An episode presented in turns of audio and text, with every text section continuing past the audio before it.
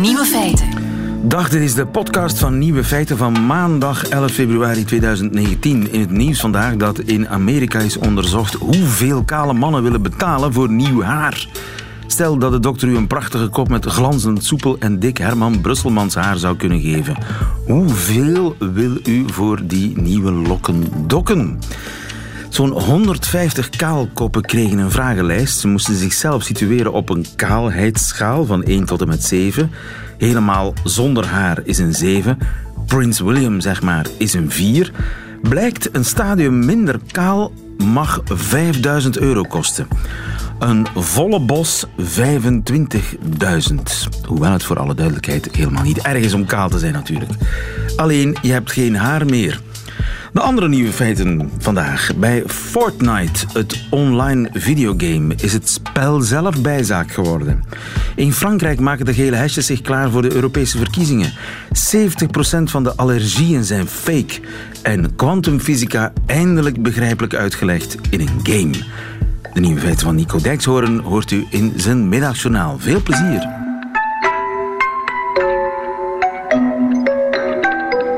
Nieuwe feiten. 10 miljoen luisteraars, daar kan ik alleen maar van dromen. Voor DJ Marshmallow is dat geen droom, want hij speelde zijn set dit weekend voor 10 miljoen feestvierders. Weliswaar op Fortnite. En dat is, jazeker, een videogame. Goedemiddag, Frederik de Bosseren. Goedemiddag. Frederik, je bent tech-expert. Uh, ik vrees dat je papi even moet helpen. Fortnite, dat is toch een videospel, hè? Ja, Fortnite kennen we inderdaad als een uh, videospel. Het is een uh, Battle Royale spel. Wat betekent een Battle dat... Royale spel, ja, een schietspel. Ja, wat betekent dat 100, 100 mensen dan op een soort onbewoond eiland samenkomen om elkaar te mollen. Online dus. Online. Dus, dus je speelt het online, online spel, met ja. anderen die ook online zitten en je zit in groepen van 100. Ja, en dan schiet er nog één over. En die is de winnaar. En die is de winnaar. En dat speelt zich af op een eiland, maar dus dit weekend moet dat spel even zijn stilgevallen. Ja, dit weekend werden de wapens neergelegd om met z'n allen naar die virtuele Mellowcake te gaan kijken. Die virtuele Mellowcake, maar die DJ die bestaat echt? Ja, dus dat is een, laat ik mij vertellen, hè, door, door een jonger publiek of een IDM-publiek. Het is blijkbaar een soort DJ-sensatie. En die maakt op een heel slimme manier gebruik van, van een soort ja, nieuw sociaal medium. Hè. Maar op dat moment waren er 10 miljoen mensen online. Ja, en als je dan ook nog bedenkt dat heel veel Fortnite-spelers uh, die livestreamen hun spel. En dat betekent dat via een platform zoals Twitch dat er nog eens tientallen miljoenen uh, mensen meekijken. Uh, kwamen we in totaal denk ik op een 20 miljoen mensen die dat optreden gezien hebben.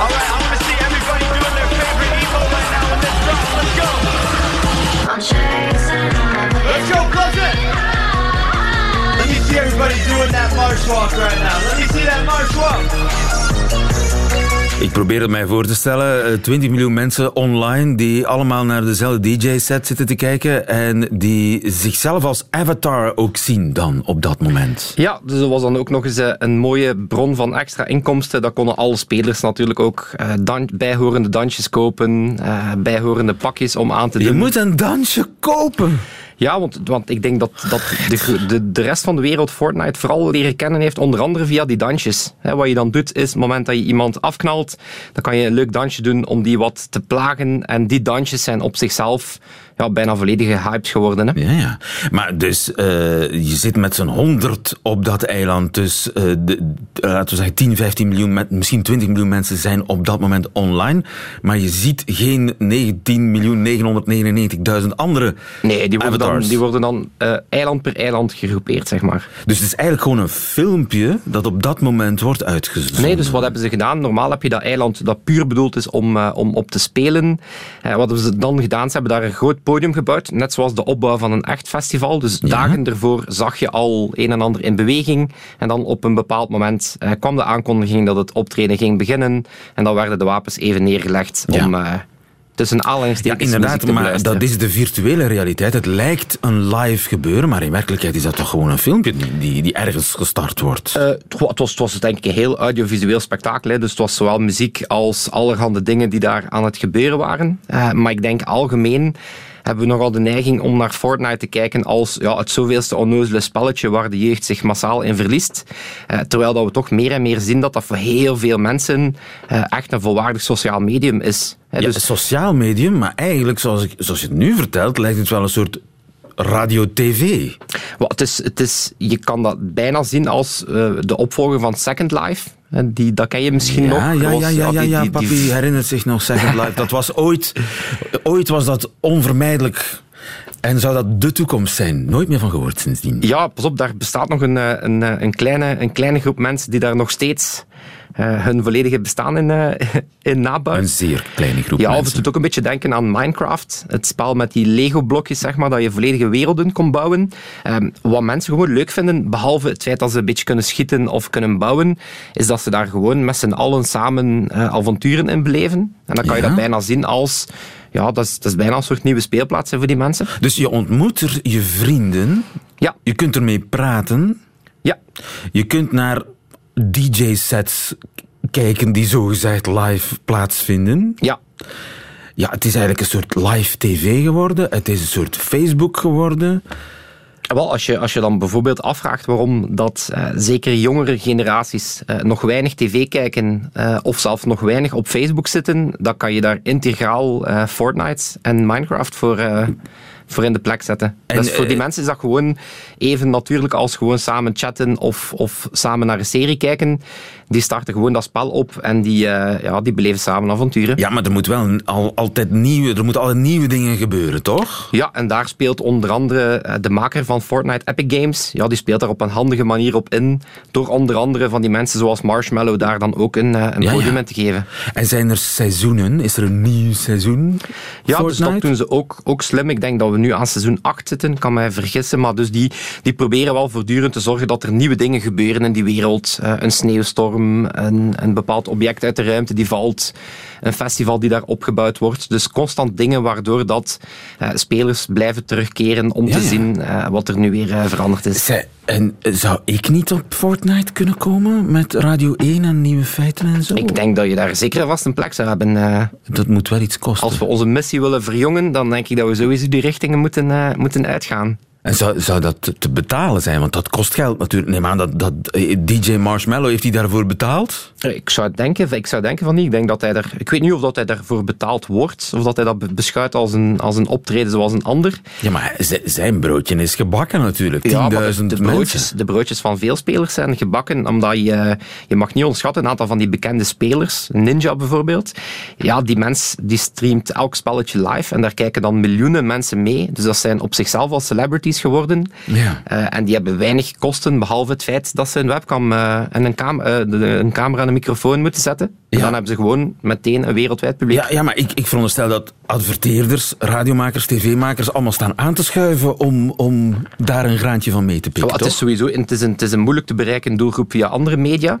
Omdat zeker, eh, zeker jongeren ja, die gaan iets minder actief op, op klassieke media of op zelfs sociale media zoals Facebook. Dus vandaar het is wel een interessant medium om, eh, om hen te bereiken. Ja. Dat Het klopt. spelletje is bijzaak geworden. Het spelletje is veel meer dan enkel het spelletje. Dankjewel, Dat klopt. Frederik de Bossere. Oké, Goedemiddag. dag. Nieuwe feiten. Coucou de France. Met Alex Visorek. Wat er ook gebeurt, op maandag krijg ik bezoek virtueel, want hij zit in Parijs van mijn eh, collega en vriend bij France Inter, onze landgenoot Alex Visorek, om bij te praten over de toestand in Parijs en in Frankrijk. Goedemiddag, Alex. Goedemiddag, lieven. Ja, op zaterdag was er l'acte 13 des Gilets jaunes. De dertiende zaterdag uh, waar de gele esjes betoogden. Een crisis waarvan wij het einde nog niet zien. Maar er is tenminste één persoon die Aha. het heeft zien komen. En dat is François Hollande. Moi, je, je- peut-être je, je le ressentais parce que, euh, comme président, je, savais que la question des prix des carburants était une question très très sensible. Ja, ik wist het beter dan Macron, zegt hij nog meer. Ja, en het is gek hoeveel dingen hij weet sinds hij geen president meer is. Ja, ofwel, ofwel was hij de beste pokerface ooit. Deze verklaring heeft hij bij het Frans Instituut voor Politiek Wetenschap gedaan. Eh, hij was zoals altijd scherp tegen Macron. En Hollande, die ook onpopulair was, heeft een link gevonden tussen het prijs van benzine en de populariteit van een president. C'est assez indexé. Plus le prix monte, euh, plus vous descendez. Alors après, il y a, il y a des plafonds et des planchers. Mais quelquefois, les plafonds peuvent être crevés et les planchers aussi. Ah ja, dat is eigenlijk een nieuwe wet van de fysica, als het ware, in Frankrijk. Ja, zoals communicerende waten. Eh, Hollande voelt dat hij lessen moet geven, want de Europese verkiezingen profileren zich. In België zal de campagne zeker rond het klimaat draaien, maar in Frankrijk eh, kan het niet anders dan rond de crisis gaan. Linkse politici zullen de eisen van de gele esjes in hun programma toevoegen en niet alles. Au-delà des manifestations, certains Gilets jaunes euh, réfléchissent à transformer le mouvement à travers l'action politique en vue des élections européennes du mois de mai. Mais ce n'est pas du goût de tous. Aha. Ah, wat we zelf doen, doen wij beter, klinkt het. Eh, Maar de gele esjes eh, is een grote beweging met veel verschillen van meningen en meerdere leiders.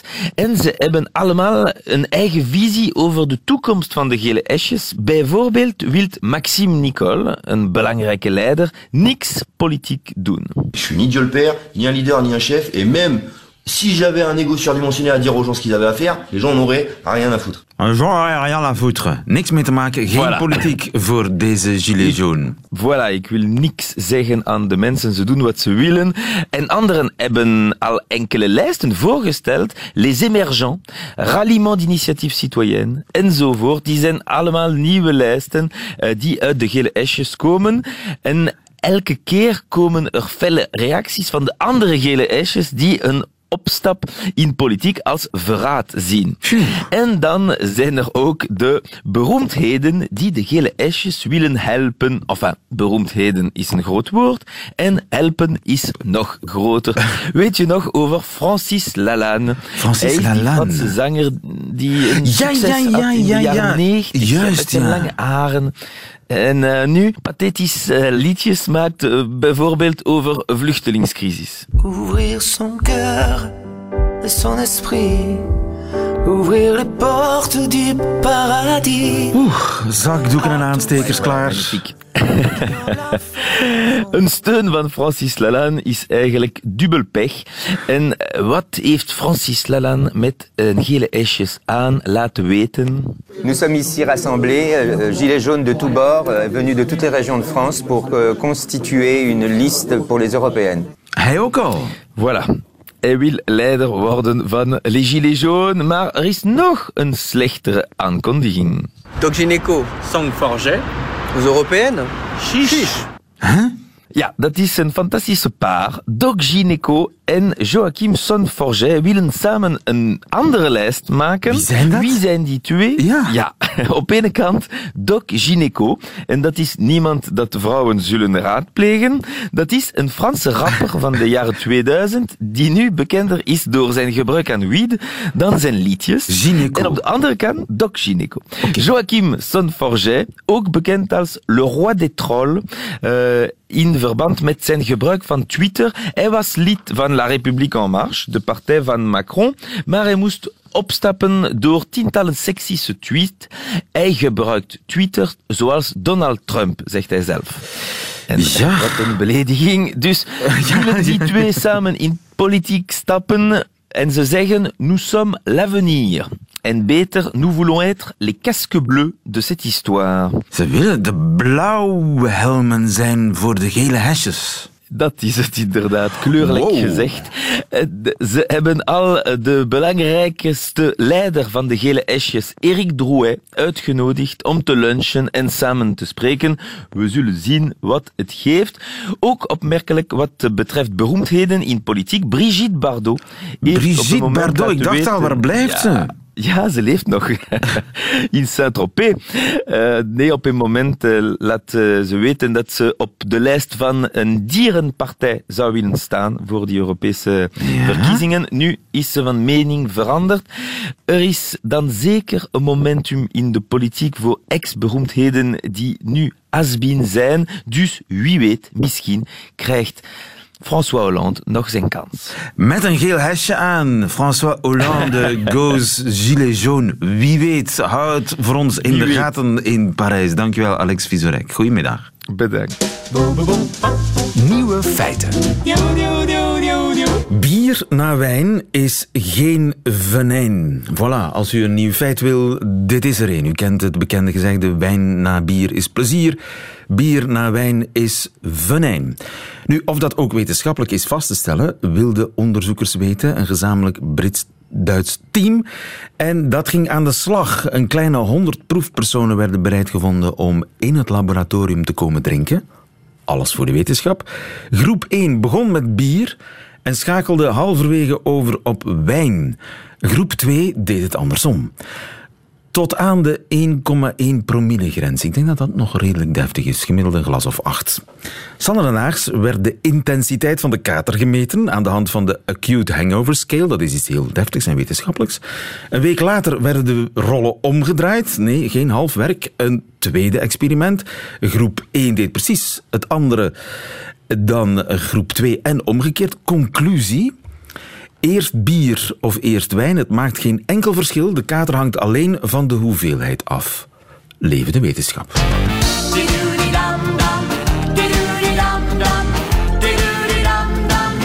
Nieuwe feiten. Ik heb een vriend die is allergisch voor melk, zegt hij. Maar een dame blanche lepelt hij met gemak weg. Het is een mysterie. Tot vandaag, want wat blijkt uit onderzoek in Nederland? 70% van de allergieën die zijn ingebeeld. Dorien, goedemiddag. Goedemiddag. Dorien eh, Westerlaken van Ginkel, jij bent gepromoveerd op dit thema aan de Universiteit van Groningen. Waarvoor felicitaties. Dank u. Je hebt een grote enquête gedaan, mensen gevraagd naar hun allergieën. Hoe weet je nu of die allergieën echt zijn of niet? Ja, we hebben inderdaad bij eh, ongeveer 80.000 mensen gevraagd van... Hey, ben je ergens allergisch voor en wat gebeurt er dan? En waarvoor ben je allergisch? En eigenlijk gaf 12% van de mensen aan wel ergens allergisch voor te zijn. Maar op basis van de symptomen die ze dan noemden en de voedingsmiddelen die zij noemden... vonden we het eigenlijk maar bij 4% ook waarschijnlijk dat het echt zo was. Dus van de andere 8% passen de klachten en de voedingsmiddelen die zij noemden... eigenlijk niet zo bij voedselallergie. Aha, Eh, en wat voor klachten zijn er dan bijvoorbeeld? Eh, nou, sommige mensen die krijgen klachten die pas na een dag ontstaan of die langer dan een week aanhouden. Dat is heel atypisch. Of eh, ze krijgen op één plek jeuk, maar verder helemaal niks. Eh, het- het- ja, er, gebeurt, er gebeuren hele bijzondere dingen bij sommige mensen. Zoals eh, allergisch zijn voor melk, maar niet voor roomijs. Ja, dat is ook heel bijzonder. En dat, dat is gewoon onmogelijk. Dat kan gewoon niet. Nou, het is in ieder geval erg onwaarschijnlijk. Ik heb er eh, binnen de kliniek eh, waar ik gewerkt heb nog nooit iemand gezien. Ja. Heel vaak is er dan net iets anders aan de hand. Maar waarom zou je dat doen? Jezelf een allergie aanpraten? Ik denk niet dat mensen dat expres doen, maar die gaan terugdenken als ze zich niet lekker voelen van hé, hey, wat heb ik gegeten? En dan vallen met name vaak bijzondere dingen vallen op. Zoals bijvoorbeeld ijs of dingen waarvan je wel eens gehoord hebt dat andere mensen er allergisch voor zijn. En dan ga je dat koppelen aan de klachten die je dan hebt. Maar als jij geen klachten hebt, dan denk je ook niet terug. Eh, en vaak wordt het dan een hele inconsistent terugdenkpatroon. Wat eh, nou, zulke problemen kan gaan veroorzaken. Ja, dus mensen zijn er echt diep van overtuigd dat ze allergisch zijn, bijvoorbeeld aan roomijs en niet eh, eh, allergisch voor, eh, voor melk. Terwijl dat misschien gewoon inbeelding is. En misschien hebben ze zich ook laten, laten beïnvloeden door de omgeving, want het lijkt wel een epidemie. Hè? Iedereen is ergens allergisch voor. Ja.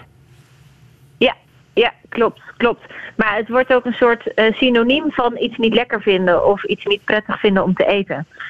Maar een echte allergie is natuurlijk heel wat anders. Ja, maar is dat nu erg dat mensen zich een allergie inbeelden?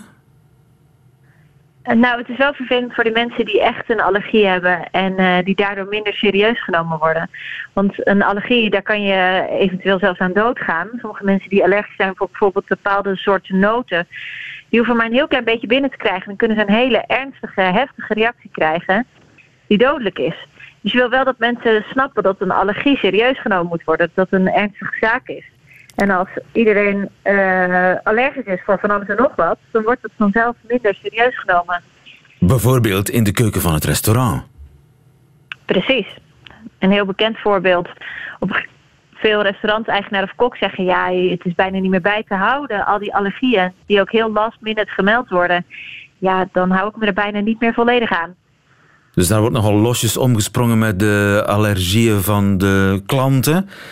En dan wordt gezegd, nee hoor, er zit, er zit geen boter in of er zit geen, weet ik veel, nootjes in. Terwijl, ja, en mensen eten dat met smaak op, er gebeurt niks, want ze zijn ook niet allergisch. En, en, maar Ja. je zal maar eens echt allergisch zijn. Ja, ja, ja. Ja, en ze gaan, de restauranteigenaren, zijn wel meerdere interviews ook bekend, dat ze zeggen, ja, ik ga er eigenlijk minder strikt mee om dan ik eigenlijk zou willen, maar anders dan is het niet te doen. Dan moet ik een aparte kok voor degene die alle- allergie hebben.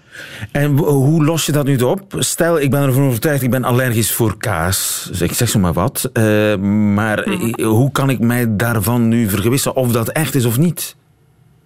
Ga langs je huisarts en maak een, eh, maak een afspraak en vertel precies wat er gebeurt.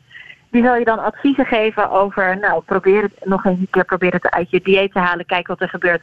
Probeer het te eten, kijk wat er gebeurt. Maar die zal het altijd gewoon afspraak doen. Ja. En die zal misschien ook zeggen van, nou, dit is minder waarschijnlijk, laten we eens dit proberen. Ja. Is het een idee om met attesten te werken, dat je echt een bewijs hebt eh, voor je allergie? Ja, zeker, zeker. Dat kan niet bij de huisarts, maar dat kan wel in een, eh, in een ziekenhuis. Daar doen we provocatietesten, zoals dat heet. Dus dan geven we het voedingsmiddel en dan kijken we wat er gebeurt. En zo kunnen de, de echte eh, mensen die allergisch zijn voor iets eh, zich onderscheiden van de mensen die zich dat inbeelden. Precies, precies. Jammer genoeg werkt een bloedtest hiervoor niet. Oké, eh, het is een groot probleem voor de mensen die echt allergisch zijn. Doreen Westerlaken van Ginkel, dankjewel. Goedemiddag. Dank je. Nieuwe feiten. Er bestaat een wereld waarin dingen tegelijkertijd wel en niet kunnen zijn. Die wereld heet kwantumfysica. Totaal onbegrijpelijk voor normale mensen. En die is voor veel, maar nog nooit, waren er zoveel kwantumonderzoekers dan vandaag.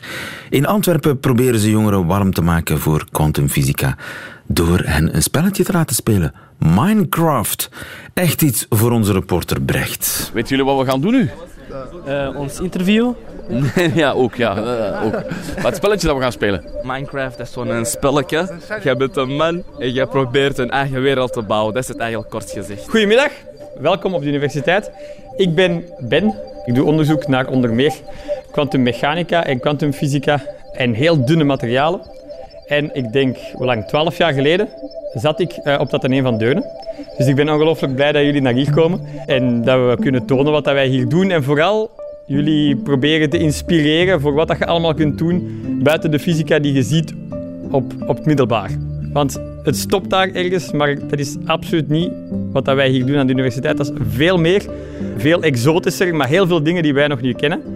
Dus voilà. Eh, ik hoop dat je ervan eh, geniet en zo kunt nadenken over wat dat er nog allemaal mogelijk is, behalve wat dat je nu ziet op, eh, op het middelbaar. Quantumfysica zelf bestaat sinds de jaren 20, 30 van de vorige eeuw. En België en, heeft daar een vrij belangrijke rol in gespeeld als plek. De Solvay-conferenties, waarop dat wetenschappers van over heel de wereld bij elkaar kwamen om het te hebben over die nieuwe experimenten die ze aan het doen waren, die niet meer met de theorieën die ze tot dan toe hadden. De klassieke fysica kon bepaalde experimenten niet meer verklaren.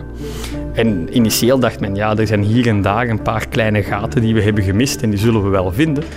Maar hoe dieper men begon te graven, hoe meer en meer men doorhad dat eigenlijk op allerkleinste schaal de wetten die we tot dan toe gebruikten eigenlijk helemaal geen steek meer houden. Opgepast. Vandaag gaan we dus fysica doen. We gaan Minecraft spelen, maar we gaan vooral fysica doen. Dus dat is niet gewoon dingen leren, dingen van buiten leren, maar dat is vooral begrijpen. Dus die brug die kwam er alleen maar als je van onder keek. Ja? Zolang dat je bleef kijken naar die brug, bleef die er. Totdat iedereen wegkeek en dan was ze weer weg. En dus dat is hoe, hoe, hoe, dat, hoe dat we dat aspect van kijken is veranderen in Minecraft hebben gestoken. De kwantummechanica, wat we noemen, is een niet-lokale theorie. Dus normaal gezien, als een bal gaat vliegen, dan verwacht je dat iemand ergens tegen die bal heeft moeten geschot hebben. Nu binnen de kwantummechanica, omdat dat niet lokaal is, heb je fenomenen die op een bepaalde plaats plaatsvinden als gevolg van een actie die aan de andere kant van het universum zou kunnen plaats hebben gevonden. En dat is iets dat heel tegenintuïtief is. Ehm, en, en dat is ook iets wat Einstein zei dat onmogelijk zou moeten geweest zijn. Die experimenten zijn nu al zo vaak herhaald op verschillende manieren. Recent nog hebben, eh, heeft een uh, Chinese onderzoekslabo een satelliet daarvoor gebruikt. En, de, en dus, dus, dus de, de relatie tussen twee kwantumdeeltjes die duizenden kilometers uit elkaar zijn, heeft kunnen vaststellen dat die nog al, altijd, dankzij de kwantummechanica, met elkaar verbonden waren, verstrengeld waren. Nou, twee deeltjes, ik probeer het voor simpele mensen uit te leggen. Hè. Twee deeltjes, honderdduizenden kilometers ertussen, uh, maakt niet uit hoe ver. En je kietelt het een en het andere lacht. Uh, daar komt het min of meer op neer. Want in de kwantummechanica, zolang je niet kijkt, bevindt iets zich in alle mogelijke toestanden. En dus, ja, als we naar een kat kijken, grosso modo gesproken, kan die twee toestanden hebben. Levend zijn of dood zijn. Steek je een kat in een doos en je zet er gif bij, wel, en je weet niet, heeft die kat van dat gif gedronken of niet, dan zegt de kwantummechanica, zolang we dat niet meten, zolang dat we niet de doos open doen, dan gaat die kat zowel levend zijn als dood op hetzelfde moment. Dus het gaat niet enkel over het begrijpen van hoe de wereld in elkaar zit en over wat dat we kunnen gaan doen om computers sneller te doen gaan. Maar het gaat er ook over wat kunnen we dat gaan gebruiken om nieuwe soorten technologieën te gaan ontwikkelen. En er zijn ongelooflijk veel bewegingen nu bezig. Maar waar wij natuurlijk naar op zoek zijn, is zoveel mogelijk mensen die zeggen van ik heb goesting om mee nieuwe wetten te gaan ontdekken. Mee te onderzoeken hoe de wereld echt in elkaar zit en mee de kwantummechanica of andere aspecten van de fysica te gaan ontdekken. Als je goesting hebt om dat hier te komen doen, jullie zitten in het zesde of in het vijfde? In het vijfde, dus over twee jaar hoop ik zoveel als mogelijk mensen hier van jullie, uh, net, zoals, net zoals ik van het Atheneum kwam, hier ook fysica te komen doen. Jullie zijn van harte welkom en ik dank jullie voor jullie aandacht. Dank u wel. Zou het iets voor u zijn, kwantummechanica? Uh, ik denk, ik ben meer gemaakt voor uh, de economische kant. Um, fysica niet, vrees ik. Nee, ik, ik wil biologie gaan doen. Men heeft echt, echt onderzoekers nodig. Hè? Dat is echt de, de, de job van de toekomst. Hè? Uh, ik denk dat er wel een beetje fysica in mij zit, maar niet direct in kwantummechanica. Ik vaak spreek van waarschijnlijkheden. En ik ben een persoon die altijd exact wil weten wat er gebeurt. En nu wil vanuit gaan dat er waarschijnlijkheid is. Dus dat is de grootste afknapper die ik heb bij kwantumfysica. Tja, goed geprobeerd zeker. Nieuwe feiten. Middagjournaal. Beste luisteraars. Ik weet nog heel goed wanneer ik mijn zoon een zakmes gaf. Hij was 12 jaar oud. En dat is de perfecte leeftijd om je zoon een zakmes te geven. Hij krijgt iets wat eigenlijk nog veel te gevaarlijk is. Dat zijn de fijnste dingen om te krijgen. Mijn oom hij gaf mij ooit een luchtdrukpistool toen ik negen jaar oud was. En dat was precies de dag waarop ik volwassen werd. Een zakmes aan je zoon geven, dat doe je niet zomaar even tussendoor. Dat zou meteen alles verpesten. Wie een zakmes aan zijn zoon geeft, die moet alles precies goed doen. Het is heel belangrijk dat je je zoon opeens niet meer bij zijn voornaam noemt, maar dat je hem opeens zoon noemt. Je moet ook veel lager gaan spreken. Je zegt bijvoorbeeld zoon. Zoon kan ik je over een uur spreken. Ik zit in de schuur, zoon. En dat is precies goed. De zoon denkt dat hij op zijn donder gaat krijgen. Eenmaal in de schuur moet je voor je zoon gaan staan met je handen op je rug. Je houdt een heel lang onduidelijk verhaal. Je zegt bijvoorbeeld zoon, toen ik zelf nog niet wist wat ik wilde worden, en toen ik ook, net als jij, nog niet wist wat tongzoenen was. Zoon, toen kreeg ik dit van mijn eigen vader en nu wil ik het aan jou geven, zodat het in de familie blijft, zoon. En daarna geef je hem het zakmes. Je kijkt hoe je zoon stom verbaasd naar het zakmes kijkt. Hij zegt, maar pap, dat is toch jouw zakmes? En daarna kan jij zeggen, ja zoon, maar nu is het van jou. Het allerfijnste moment komt daarna. Je zoon komt naast je zitten. Het zakmes in zijn hand. Jij wijst op een klein stukje metaal en je zegt: Kijk, als je dat uitklapt, dan is het een zaagje. Daar kan je dingen mee zagen. Daarna wijs je op een ander stukje metaal en je zegt: Dat is de kurkentrekker. Voor als je ooit wijn gaat drinken met een verkeerde vrouw, net als papa. En daarna komt het allermooiste moment. Je wijst naar een stukje metaal in het mes. En daarna zeg je: Dat is een schaartje, zoon. En hij vouwt het schaartje uit het mes. En daarna zeg jij: Daar heeft papa ooit de neusharen van je opa meegeknipt. En nu is het van jou, zoon. Daarna volgt de innige omhelzing.